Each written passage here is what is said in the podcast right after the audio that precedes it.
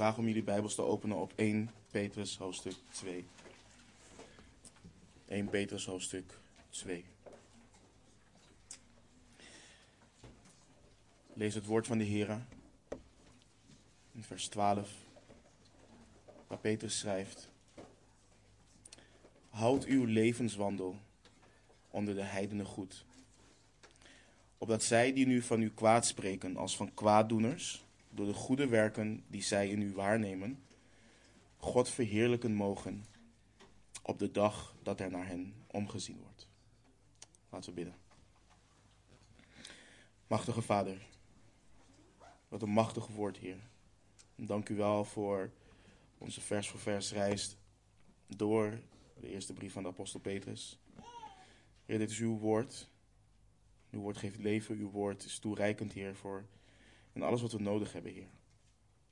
We bidden, Heer, dat uh, zoals we iedere week bidden, dat we niet alleen hoorders mogen zijn, maar ook daders. Dat het ons bemoedigt, dat het ons opbouwt, dat het ons aanvuurt en aanspoort om te wandelen in de rechtvaardigheid, Heer. In de gerechtigheid die, uh, waarmee u ons hebt bekleed. Rust mij toe, Heer. U weet hoe ik hier sta vandaag. Het is alleen door uw kracht mogelijk, Heer. In Jezus' naam. Amen. De afgelopen weken zijn voor mij persoonlijk een absolute zegen. Uh, niet alleen hebben we tot nu toe uh, in deze brief stilgestaan bij onze identiteit en het werk wat God heeft gedaan om ons zalig te maken. Maar we hebben ook uitgebreid stilgestaan bij het werk wat God nu aan het doen is.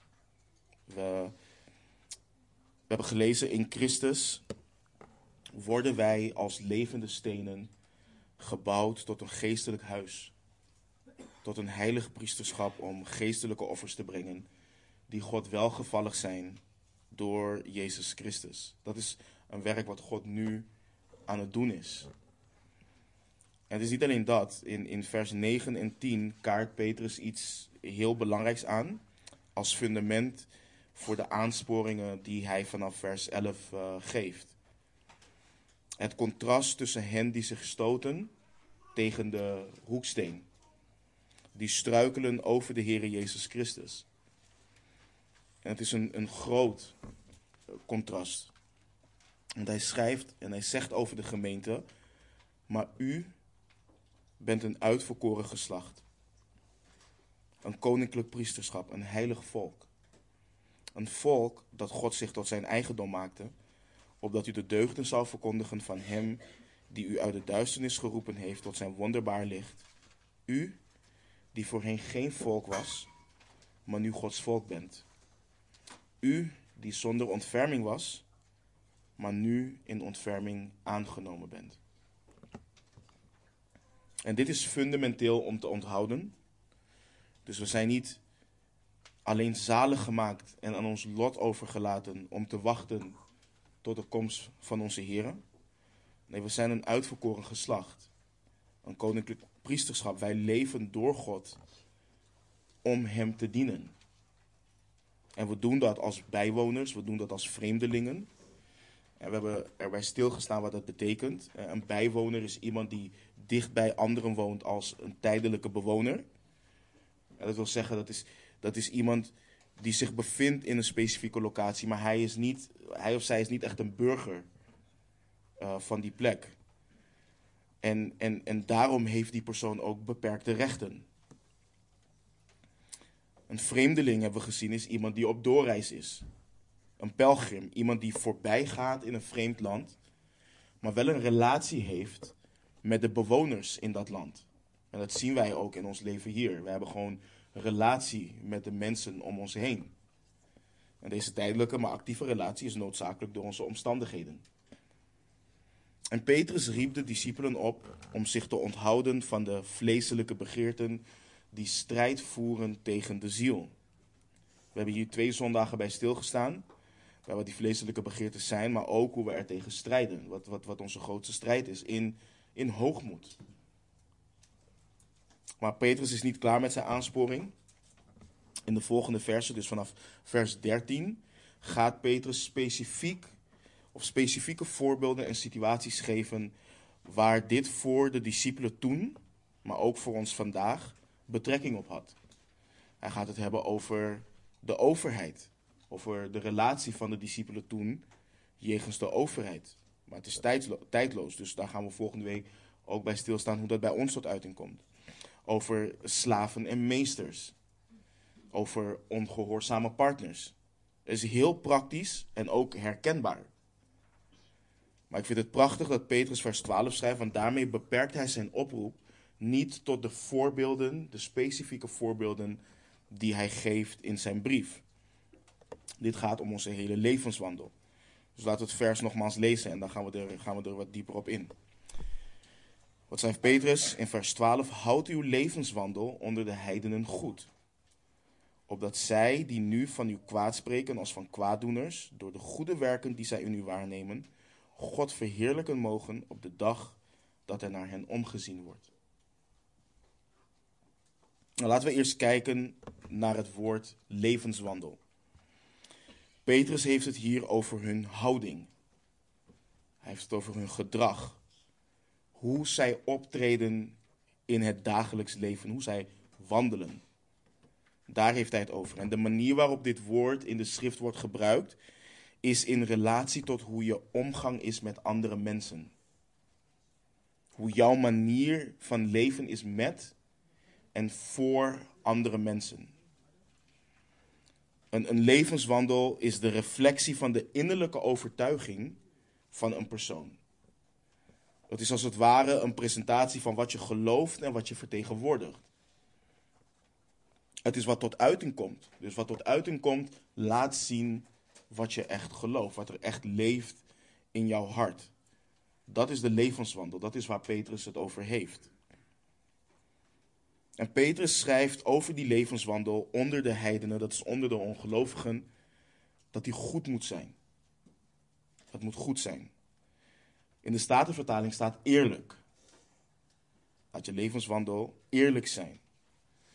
En wat bijzonder is aan dit woord is dat het in het Grieks spreekt van mooi. Het spreekt van schoon, als in schoonheid. Prachtig hoort de levenswandel van de christen te zijn. Het hoort mooi te zijn. Maar het stopt niet daar. Want die schoonheid, die schoonheid het heeft een basis. Een fundament. Het is mooi, het is prachtig als een uiterlijk teken van het innerlijke goede, van het nobele, van een eerzaam karakter. Daarvan spreekt het. Het spreekt van waardigheid. Maar het gaat nog een stuk dieper, want het heeft een doel. Petrus schrijft er later natuurlijk over in het vers, maar doe je een woordstudie naar dit woord, dan zie je dat iets moois is met het doel om aan te trekken. Dus het moet mensen aantrekken, het moet mensen inspireren. Het moet mensen aansporen om te omarmen wat goed is om, om, om, om te omarmen wat prijzenswaardig is. Dat is het doel. En wat Petrus hier schrijft is in lijn met wat de Heer Jezus zegt tijdens zijn zaligspreking. In Matthäus 5 lezen we. Oh. Ik uh, ben even uitgevallen. Matthäus 5, vers 13 tot en met 16. Daar lezen we: U bent het zout van de aarde. Maar als het zout zijn smaak verloren heeft, waarmee zal het gezouten worden? Het deugt nergens meer voor dan om weggeworpen en door de mensen vertrapt te worden. U bent het licht van de wereld. Een stad die bovenop een berg ligt, kan niet verborgen zijn. En ook steekt men geen lamp aan en zet die onder de korenmaat, maar op de standaard. En hij schijnt voor allen die in het huis zijn. Laat uw licht zo schijnen voor de mensen, dat zij uw goede werken zien en uw Vader die in de hemelen is, verheerlijken. En dit gaat natuurlijk in tegen de neiging die we vaak kunnen hebben als discipelen van de Heer Jezus. Dat we met z'n allen ergens een boerderij zouden willen kopen. Samen als christenen zouden zijn. Weg van de wereld. En het de hele dag samen over de Heer hebben en niet te hoeven dealen met de zonde en de goddeloosheid van de wereld. Ik zeg jullie, ik, ik wil het ook. Ik wil het ook. Maar dit leven is een leven wat geleid dient te worden in de wereld. Dat is waar de Heer Jezus het over heeft. En dat is ook waar Petrus het over heeft. Mensen kijken naar ons. En daar moeten we ons bewust van zijn. Dus de oproep van de apostel Petrus aan de discipelen: leef als het zout van de aarde, leef als het licht van de wereld. En ik zal je zeggen, broeders en zusters, je kunt alleen gehoor geven aan dit wat Petrus en wat de Heer Jezus toe oproepen, als het eerste wat je zoekt, God en zijn koninkrijk zijn. Alleen dan kan je hier gehoor aan geven. En ik zeg dit bewust omdat wij mensen de neiging hebben om inwaarts te keren wanneer we geconfronteerd worden met moeilijkheden. Er ontstaat een soort van tunnelvisie. Ik moet bezig zijn met dit en uiteindelijk valt heel je getuigenis in duigen. Want je bent alleen maar bezig met wat je consumeert. En dit is waarom we moeten blijven herinneren, waarom ik net zei, waarom we moeten blijven herinneren dat we een koninklijk priesterschap zijn. Wij zijn aan het dienen. Dat is wat we doen met ons leven. Als priesters willen en moeten we geestelijke offers brengen die God welgevallig zijn door Jezus Christus. Maar de vraag is dan, wat betekent die goede levenswandel? Hoe komt dat praktisch tot uiting? Nou, omdat Petrus uh, specifieke voorbeelden geeft vanaf vers, vanaf vers 13, zal ik op die ehm, eh, voorbeelden niet, of die onderwerpen niet diep ingaan, maar ik wil u wel wat breder naar kijken. Want veel beleidende christenen hebben, en ik geloof uit oprechte goede motieven, hebben hier allerlei programma's en manieren voor bedacht. En ze lijken in eerste instantie ook gewoon vroom, maar vaak slaan ze de plank wel mis. En je ziet allerlei initiatieven ontstaan waarin de basis het, niets mis mee is, maar niet de kern raakt van wat Petrus hier schrijft. Dus in de basis is waar Petrus het over heeft, een leven wat getransformeerd is door de kracht van het evangelie en een leven wat dagelijks getransformeerd blijft worden door het werk van de Heilige Geest. Dat is waar hij het over, in de basis over heeft. Hij spreekt van een leven waarin je ziet dat de persoon die dat leven leidt, geregeerd wordt door de Heer Jezus Christus. Zoals de apostel Paulus zo mooi omschreef in Galaten 2 vers 20. Ik ben met Christus gekruisigd. Niet meer, en niet meer ik leef, maar Christus leeft in mij. En voor zover ik nu in het vlees leef, leef ik door het geloof in de Zoon van God, die mij heeft liefgehad en zichzelf voor mij heeft overgegeven. En dit is een leven wat in geen enkel opzicht lijkt op een leven van iemand die van de wereld is. Totaal niet. Het contrast is zo groot als licht en duisternis, water en vuur. Want de christen is van het ene koninkrijk overgeplaatst naar een ander koninkrijk. En we weten dat vaak theologisch, maar er, er, komen daar implicaties bij kijken. Het is net als hier. Hier in Nederland hebben we bepaalde regels. Ga je naar een ander land, dan moet je je aan die regels houden. Dan moet je leven als een burger van dat land. Je kan niet daar komen en zeggen: Ja, maar ik ben een Nederlander en ik doe hier wat ik wil. En zo kun je dus ook niet van één koninkrijk overgeplaatst zijn naar een ander koninkrijk en nog steeds blijven leven als een burger van het koninkrijk waar je geen onderdeel meer van bent. Dus dit heeft echt praktische implicaties. Uh, praktische implicaties. Want in dat koninkrijk waarin de christen is overgeplaatst, daar heerst een andere koning. Dat is een andere koning. Dat is een andere heerser. Het is een goede koning, een heilige koning. En die koning heeft een wet en die wet is samen te vatten in twee grote en prachtige geboden. U zult de Heere uw God liefhebben met heel uw hart, met heel uw ziel, met heel uw kracht en met heel uw verstand. En uw naaste als uzelf. Dat is het nieuwe koninkrijk. Dat is de wet van het nieuwe koninkrijk. En dit gaat dus fundamenteel over de vrucht die wij als de ranken, we kennen hem in Johannes 15, produceren, omdat ze in de ware wijnstok blijven. Daar gaat dit om. En het is grappig om te zien wat er in veel kerken en in de gedachten van veel christenen ontstaan. Oh, ik ben vurig voor de Heer, dus wat gebeurt er? Ik word zendeling en ga veel vrucht dragen voor de Heer als zendeling. Ik zeg mijn baan op en ik word evangelist. Ik ga leven van zendingswerk. Of ik word voorganger, of wat dan ook. Dat zijn de dingen waaraan we denken wanneer we zeggen: oké, we gaan een goede levenswandel hebben. Weinigen denken aan: ik wijd mijn leven aan de Heer, opdat in mijn leven mag toenemen liefde, blijdschap, vrede, geduld, vriendelijkheid, goedheid, geloof, zachtmoedigheid, zelfbeheersing. Vrucht van de geest. En het is zo bizar, maar tegelijkertijd is het logisch. Want wanneer je niet mediteert op het woord van God, wanneer je het zelf niet bestudeert, maar wanneer je ook niet onder de prediking van Gods woord zit, hoe word je dan geheiligd?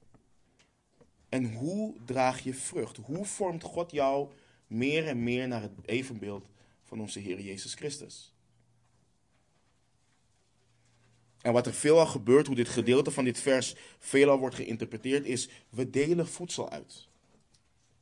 We gaan laten zien dat wij goede mensen zijn die geven en denken aan de mensen om ons heen. We doneren geld of kleding aan de armen. We zijn vrijwilligers bij bepaalde stichtingen en goede doelen. En, en, en begrijp me niet verkeerd, ik zei het net ook al. Er is in de basis niets mis met al deze dingen. Niets.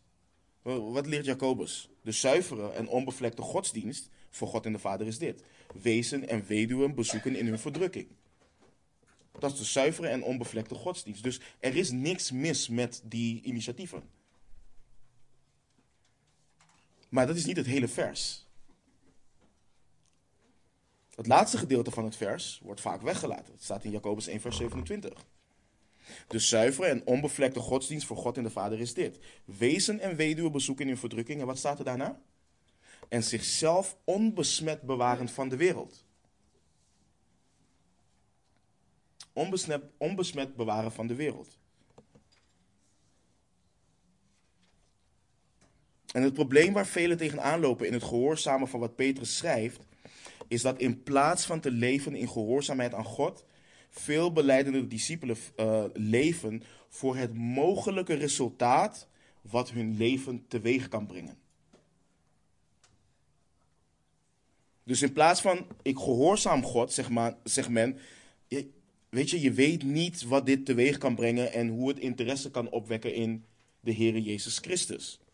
Dus je krijgt dan allerlei pragmatische initiatieven die eigenlijk in de basis niets te maken hebben met wat Petrus hier schrijft. Want dat is niet de opdracht.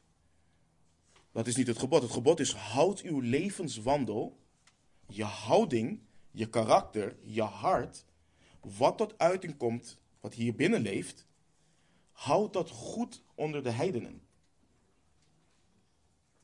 Dat is het gebod. Het gebod is leef eerbaar, leef nobel. En de goede levenswandel is tot verheerlijking van God. En wat hij daarmee doet, dat is aan hem. Dat is aan hem. En dit is ook zo cruciaal, want te vaak leven beleidende christenen voor de goedkeuring en de acceptatie van ongelovigen. Alsof ons leven en onze praktijken in gehoorzaamheid aan de Heere God door de molen van hun goedkeuring heen moet gaan. En die vleeselijke en onbijbelse neiging om niet raar gevonden te worden als christen. Die neiging die je ook wel eens hoort, ja, dan gaan ze dingen doen en zeggen van ja, ik, ik ben niet beter hoor dan jij. Tegen de ongelovige. Ik ben ook maar een zondaar. We, verschillen niet veel van elkaar. Luister, als je niet verschilt van de ongelovige, dan moet je jezelf afvragen of je wel wedergeboren bent. Die uitspraak is helemaal niet zo nobel als je denkt.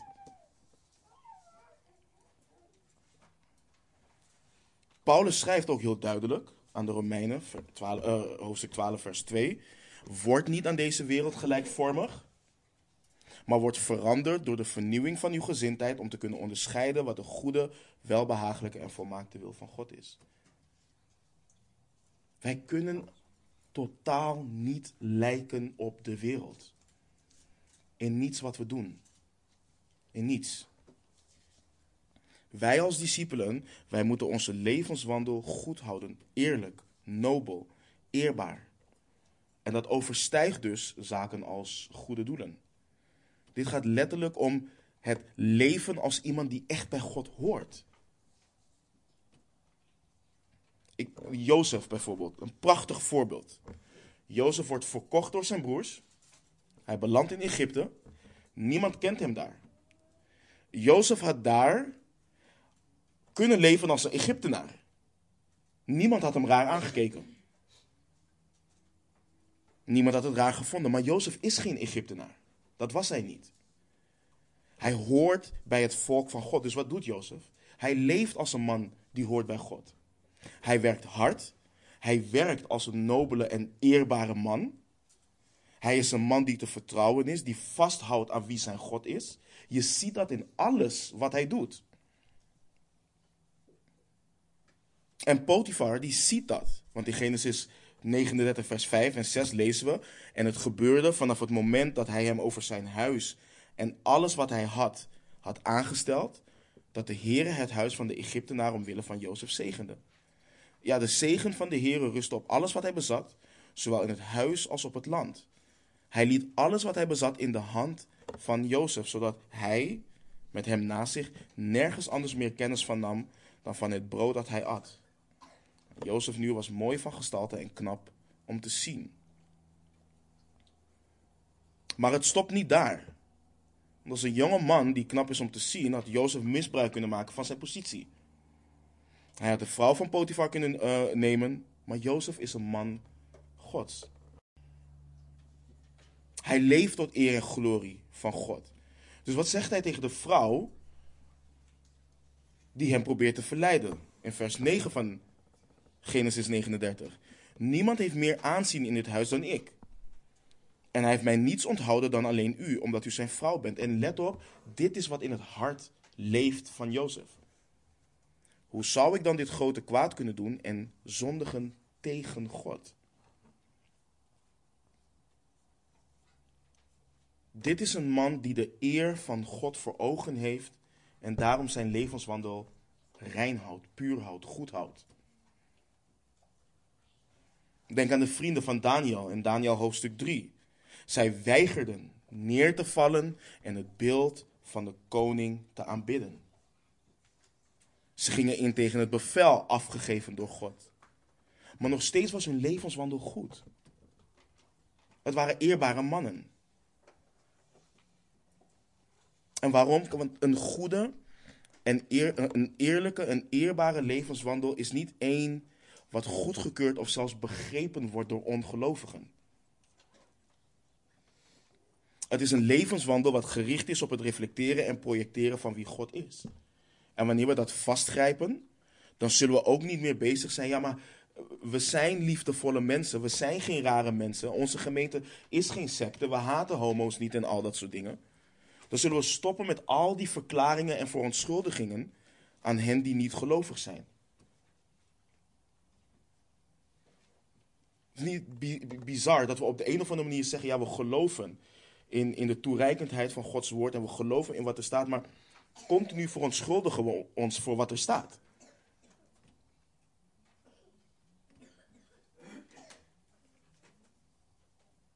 Want het komt neer op wat Petrus zegt in vers, uh, verder in het vers. Opdat zij die nu van u kwaad spreken als van kwaaddoeners. En dit is wat we moeten beseffen. Ondanks hun goede levenswandel lezen we, door Peter, lezen we door wat Petrus schrijft dat er kwaad werd gesproken over deze discipelen. Als kwaaddoeners. En het woord kwaadspreken spreekt in het Grieks van op een vijandige wijze spottend spreken over iemand. Het spreekt zelfs van het uitschelden van iemand, zij het of direct of indirect. Als je spreekt scheldend over iemand. Het spreekt van afbreuk doen aan iemands reputatie door op boosaardige wijze te spreken over die persoon. Het spreekt van iemand te schande maken. Echt belasteren, smaden. Daar spreekt het van. En je kunt je afvragen, hoe kan dit? En, en, en die vraag wordt vaak gesteld.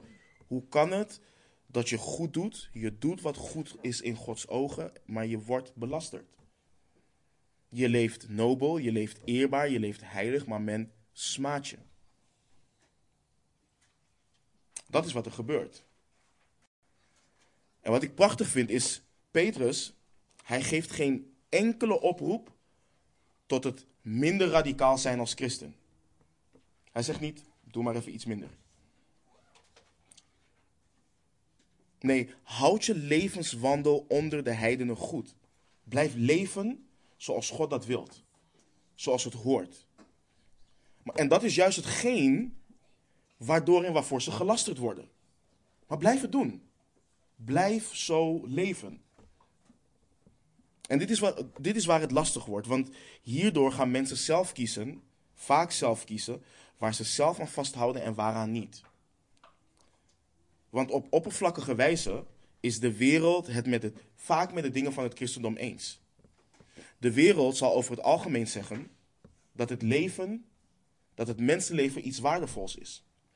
Dat we dat moeten respecteren. De wereld zal over het algemeen zeggen dat het huwelijk iets belangrijk is.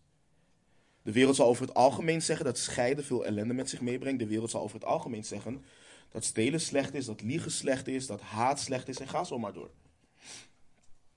Maar het is dezelfde wereld die kwaad spreekt over christenen als van kwaaddoeners en ons mensen noemen die de fundamentele vrijheid van een vrouw ontnemen wanneer we ons uitspreken tegen abortus.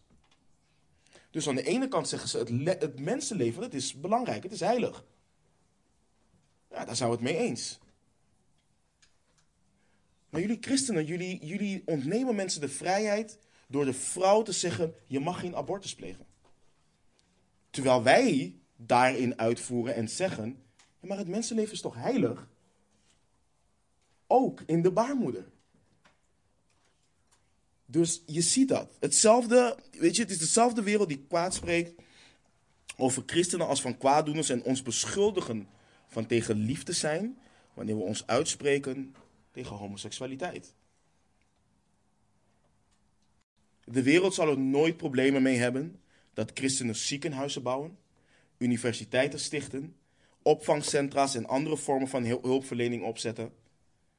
Maar ze zullen kwaad van ons spreken wanneer we naar het hart gaan van hoe de alledaagse zaken van het leven bekeken moeten worden. En we moeten dit begrijpen, want het is wat Paulus schrijft aan de Corinthiërs. Hij schrijft in 1 Korinthe 2 vers 14: De natuurlijke mens neemt de dingen van God, van de geest van God niet aan, want ze zijn dwaasheid voor hem. Hij kan ze ook niet leren kennen, omdat ze geestelijk beoordeeld worden. Een tijd geleden, eh, nu een jaar geleden, zei iemand op een hele neerbuigende manier tegen me: Ja, waarom moeten jullie altijd als kerk tot zo laat in de aula blijven? Dus dat was nog toen we in de school samenkwamen. Waarom kunnen jullie niet gewoon jullie dienst houden en daarna gewoon naar huis gaan? Gewoon gelijk naar huis gaan. Wat voor sectegedrag is dit? Ja, want we bleven tot drie uur, tot vier uur. Je praat met elkaar. Je... Wat, wat, moest ik doen? Moet ik uitleggen wat fellowship teweeg brengt? Hoe het feit dat je samen broeders en zusters bent juist het verlangen geeft om samen te zijn? Dat je samen in Christus deel dezelfde geest hebt. Dat, dat allemaal om bij hem het idee weg te nemen dat we geen secte zijn. Volstrekt niet. Volstrekt niet. Maar dat is wel waar we ons vaak bevinden. Want we hebben de neiging om ons te verklaren zodat de ongelovigen om ons heen stoppen met kwaadspreken. Want het ding is, we hebben niets verkeerds gedaan. We doen ook niets verkeerds, als het goed is. Maar de wereld zal als het ware alleen stoppen met kwaadspreken wanneer je van de wereld bent. Dat is wat we moeten beseffen. Wanneer je op de wereld lijkt.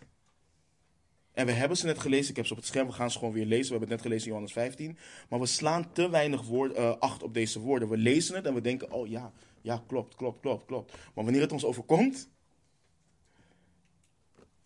dan begrijpen we de woorden opeens niet meer. In Johannes 15, vers 18 tot en met 20, hebben ze zojuist gelezen. Als de wereld u haat, weet dat zij mij eerder dan u gehaat heeft. Als u van de wereld zou zijn, zou de wereld het hare lief hebben. Maar omdat u niet van de wereld bent, let goed op wat daar staat. Omdat u niet van de wereld bent, maar ik u uit de wereld heb uitverkoren, daarom haat de wereld u. Daarom haat de wereld u. Herinner u het woord dat ik u gezegd heb: een dienaar is niet meer dan zijn heer. Als zij mij vervolgd hebben, zullen zij ook u vervolgen. Als zij mijn woord in acht genomen hebben, zullen zij ook het uwe in acht nemen.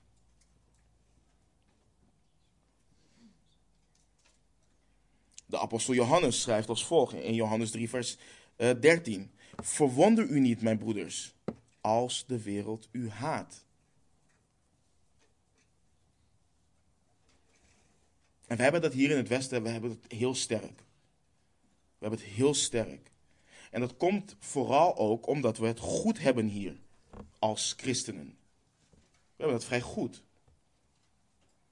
En omdat Nederland vindt dat ze ergens joods-christelijke wortels heeft. Maar dat betekent helemaal niets. Je hebt of de wereld of het koninkrijk van God. Het maakt niet uit dat je christelijke normen en waarden hebt. Als je niet wedergeboren bent, ben je gewoon van de wereld.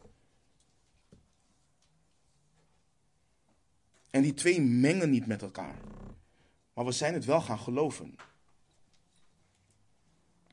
Terwijl wat we in handelingen zien, in handelingen zien we totaal wat anders. In hoe zij omgaan met wanneer er kwaad over hen gesproken wordt. Kijk bijvoorbeeld in Handelingen 5, als je, als, als je alvast daar naartoe gaat. In Handelingen 5, de apostelen deden wonderen en tekenen. Ze genazen zieken. Ze leefden heilig en eerbaar. Ze worden vervolgens onterecht in de gevangenis gegooid. En op een gegeven moment worden ze voorgeleid aan de raad. En een man genaamd Gamaliel waarschuwt de Joodse leiders. En hij zegt tegen hen: Houd u ver van deze mensen en laat hen gaan, want als dit voornemen of dit werk van mensen afkomstig is, dan zal het afgebroken worden. Maar als het van God afkomstig is, kunt u dat niet afbreken, opdat u niet misschien ook tegen God blijkt te strijden. Dat is het zeggen. En voordat ze de apostelen loslaten dan, want ze luisteren uiteindelijk naar zijn raad, geestelen ze de apostelen. Ze geestelen ze. Nogmaals, de apostelen hebben niks verkeerd gedaan, maar ze worden gegezeld. En wat is hun dan hun reactie? In Handelingen 5, vers 41 en 42. Zij dan, dus de apostelen, gingen weg uit de tegenwoordigheid van de raad en waren verblijd. Ze waren verblijd dat zij waardig geacht waren. Kan je je voorstellen? Zij waren verblijd dat zij waardig geacht waren omwille van zijn naam schandelijk behandeld te worden. En zij hielden niet op iedere dag in de tempel en bij de huizen onderwijs te geven en Jezus Christus te verkondigen. Dit is een heel ander hart, een hele andere kijk op kwaadsprekerij, op laster, op vervolging, op verdrukking. En dit is niet om ons te verdoemen en te veroordelen als wij dit hart nog niet hebben, maar dit is wel om ons denken te doen hernieuwen. Zij zagen het als een eer. Luister, ik ben een discipel van de Heer Jezus Christus. Ik weet dat mijn zaligmaker heeft geleden. En ik verkondig hem. Ik doe de werken die hij mij heeft, die hij, die, waartoe hij mij heeft gezonden. En nu onderga ik hetzelfde wat hij ook heeft ondergaan. En zij zien het als, wij worden waardig geacht om schandelijk behandeld te worden Omwille van zijn naam. Ik hoor bij hem. En daarom doen zij dit. Wij, omdat wij in het Westen, we hebben wel religie en staat gescheiden, maar in de praktijk is dat helemaal niet zo. Daar gaan we volgende week over hebben, maar daarom hebben wij ook een andere kijk hierop. Een ander voorbeeld, in Handelingen 24, als je daar alvast naartoe gaat, staat de apostel Paulus voor Felix, een machtige man. En Paulus wordt beschuldigd onderdeel te zijn van een secte en oproer te veroorzaken onder de Joden. En in die tijd, als de, als de godsdienst die je aanhing in het Romeinse Rijk niet geaccepteerd was door hen, dan had je een probleem. En het laatste waar het Romeinse Rijk ook op zat te wachten, was oproer onder de Joden. Want de, de Joden waren altijd een doorn in hun oog. Dus Paulus wordt bewust met deze woorden aangeklaagd. Maar op geen enkel moment zie je Paulus, oh Felix, kom toch eens kijken bij onze samenkomsten. Dan kun je zien dat wij helemaal geen secten zijn. Dat kun je zien dat wij allemaal gewoon hele goede mensen zijn. Op geen enkel moment doet hij dat. Kom en ontdek zelf. Nee, wat Paulus zegt en wat Paulus doet, ieder moment grijpt hij aan om het goede nieuws te delen en het getuigen van onze Heer Jezus Christus. Let op in Handelingen 24 vanaf vers 14. Hij zegt dit, maar dit erken ik voor u. Dit erken ik voor u. Dat ik volgens die weg die zij secte noemen, op die manier de God van de vaderen dien.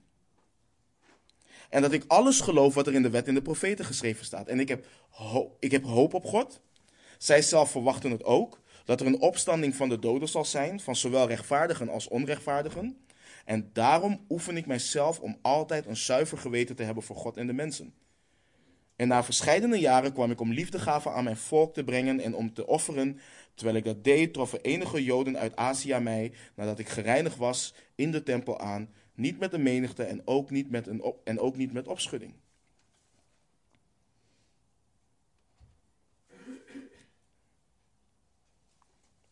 Dus ook zie je, Paulus, ook hij onderging hetzelfde. Er werd kwaad over hem gesproken, hij werd onterecht gevangen, eh, onterecht gevangen genomen, al dat soort dingen. En dit is een kant van het volgen van de Heer Jezus Christus waar weinig over gesproken wordt. Eh, christenen, of, eh, of, de manier waarop ze evangeliseren, ja kom en probeer de Heer Jezus. Je zult zien, het zal je leven verbeteren. Het is niks anders dan het welvaartsevangelie. Kom en probeer het gewoon. En als je het hebt geprobeerd, ja, dan heb je het in ieder geval geprobeerd. Baat het niet, schaadt het niet. Of schaadt het niet, ik weet niet hoe je het zegt, maar jullie snappen wat ik bedoel. Dat is, dat is het idee. Christenen hebben vaak de neiging om het volgen van de Heer Jezus af te schilderen als iets wat roze geur en maneschijn is. Maar dat is niet het hele verhaal. Ja, we ervaren vreugden in het navolgen van de Heer Jezus. Maar het navolgen van de Heer Jezus brengt vervolging met zich mee. Het brengt lastering met zich mee. En kijk, wij weten dat ze hier in Nederland niet rondgaan. Um, en wij die beleiden christenen te zijn op, een op de brandstapel gooien. Dat doen ze hier niet. Maar we moeten onthouden dat vervolging niet alleen dat is. Kwaadspreken is niet alleen dat. Een mens zal al van je kwaad spreken wanneer je staat voor de waarheid. Of het nou je ongelovige familieleden zijn, je collega's, je buren, het maakt niet uit. Ze zullen van je kwaad spreken. Wat gebeurde er met de apostelen? De Heilige Geest werd uitgestort op Pinksteren. Ze werden ervan beschuldigd dronken te zijn. De Heer, um, en, en, en de Heer Jezus drijft demonen uit en hij wordt ervan beschuldigd ze uit te drijven door Beelzebul, de aanvoerder van de demonen. In Handelingen 6 lees je hoe Stefanus voor de raad wordt gebracht en dat men valse getuigen laten optreden om te zeggen: deze man houdt niet op lastelijke woorden te spreken tegen deze heilige plaats en tegen de wet. Allemaal dingen die niet waar zijn. Allemaal mensen die gewoon rechtvaardig en godvruchtig willen leven, maar er wordt over ze kwaad gesproken. En dat lezen we in de schrift. Maar als je bijvoorbeeld in de, als je kerkgeschiedenis uh, bestudeert, er werd er kwaad gesproken over christenen en werd, werden ze beschuldigd van cannibalisme. Ze werden gewoon beschuldigd van cannibalisme.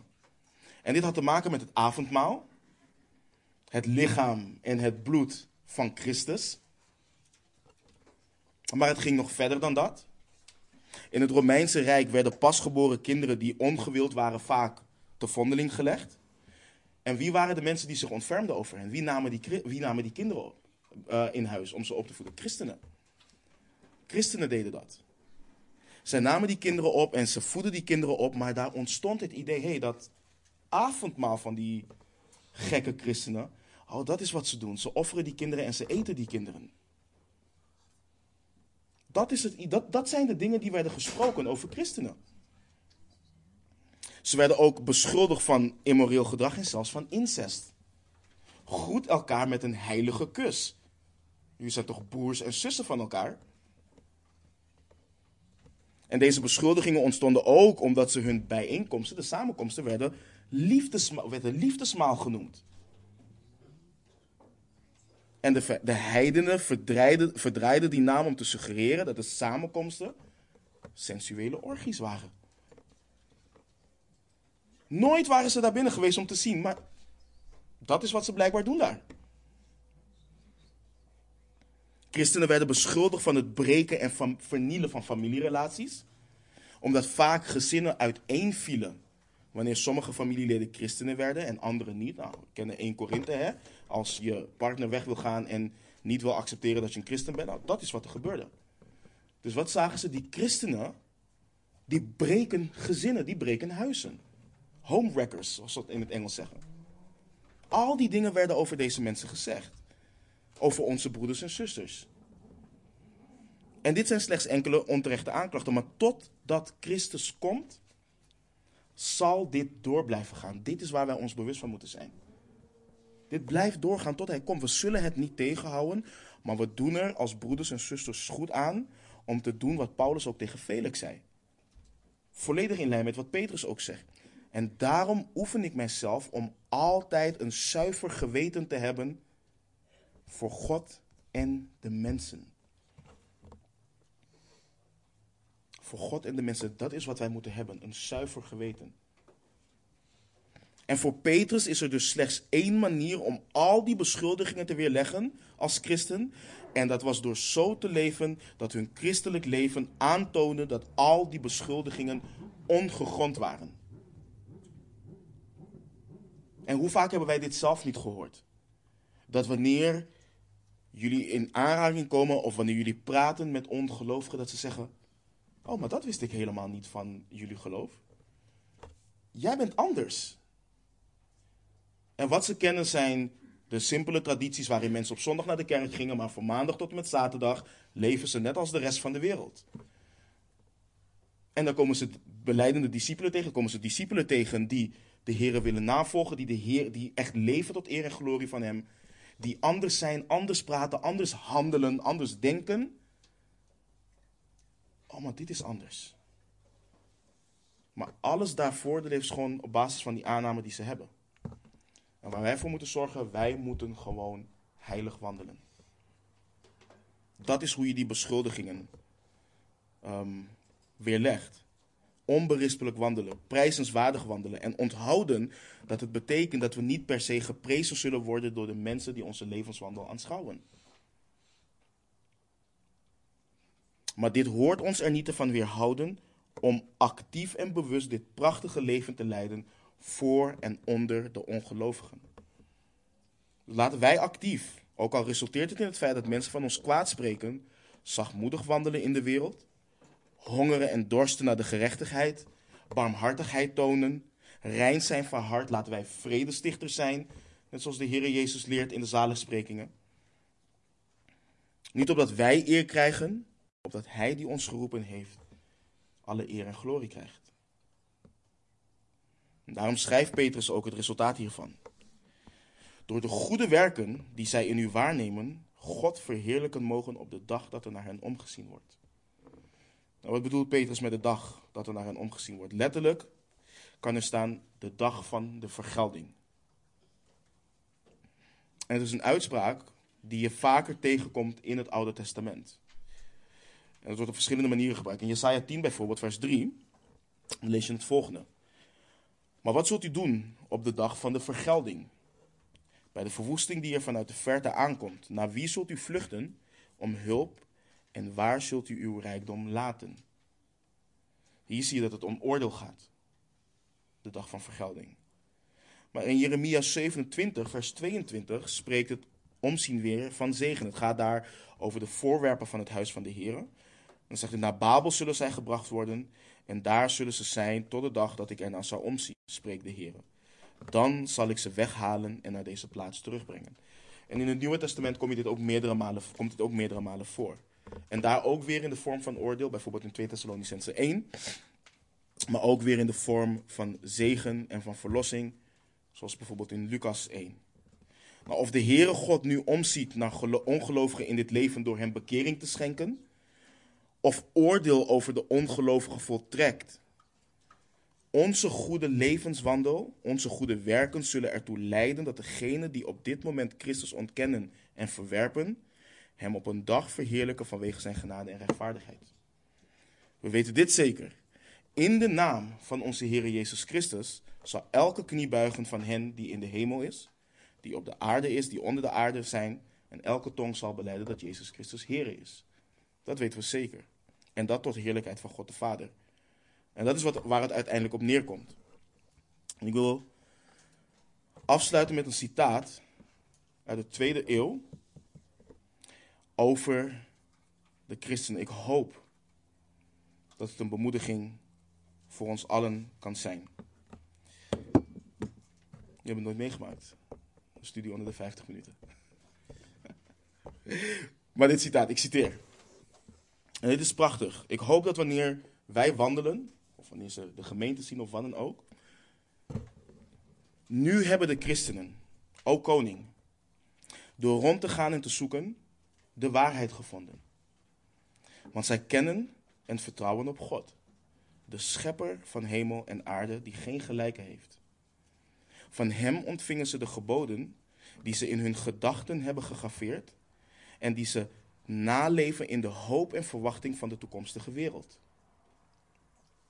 Daarom plegen ze geen overspel of immoraliteit. Ze geven geen valse getuigenis of verduisteren.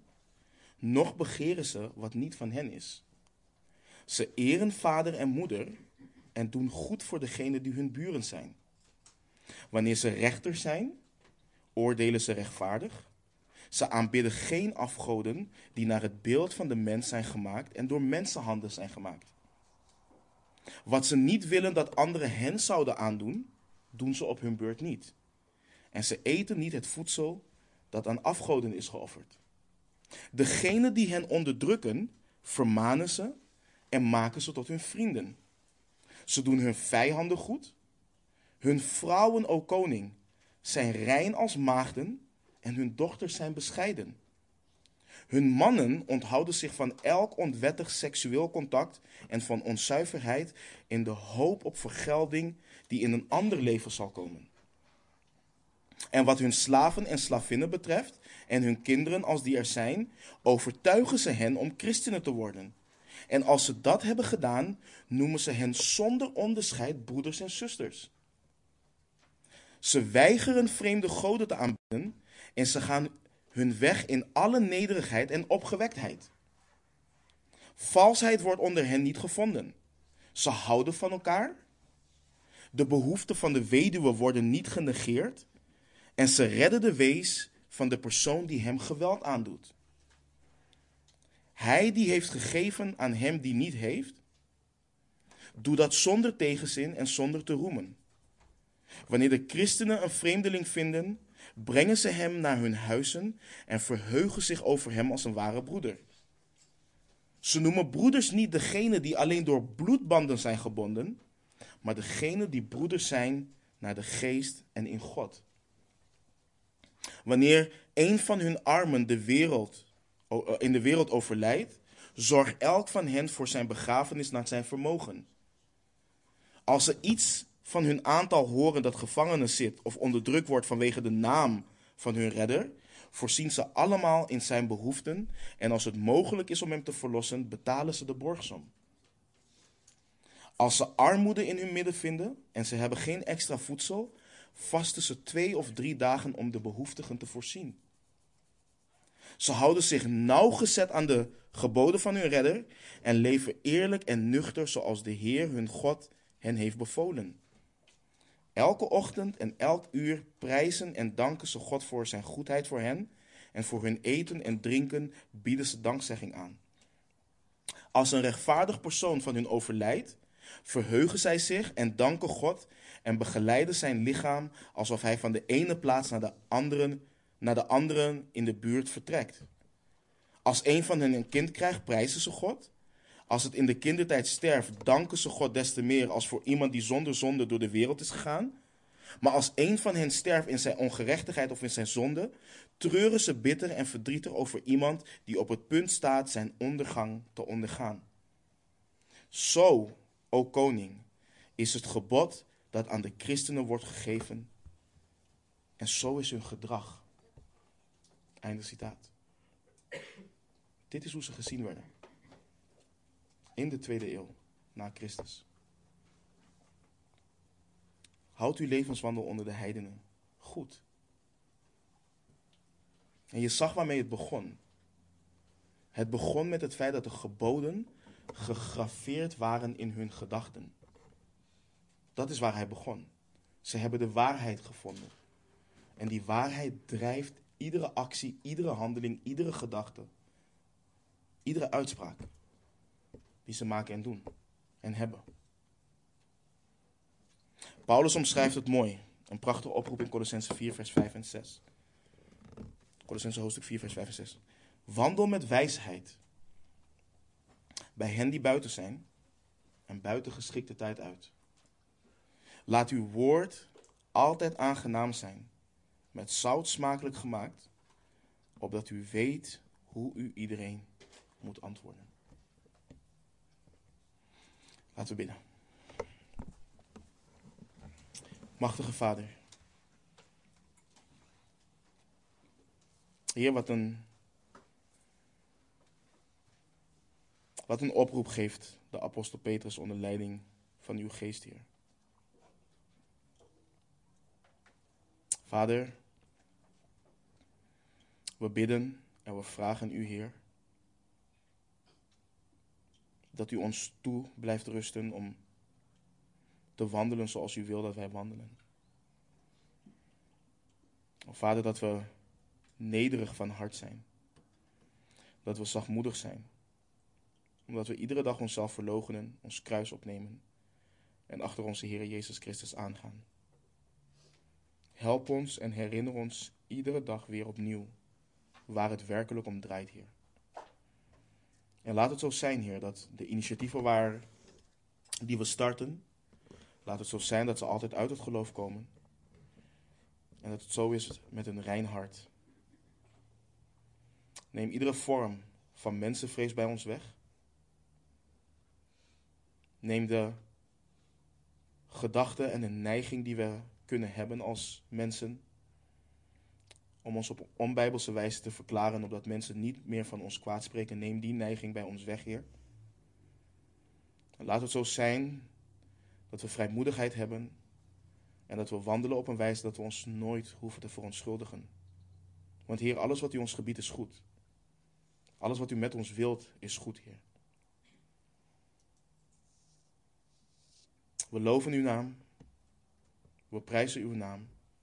We danken u voor de machtige genade die overvloedig is in onze Heer Jezus Christus.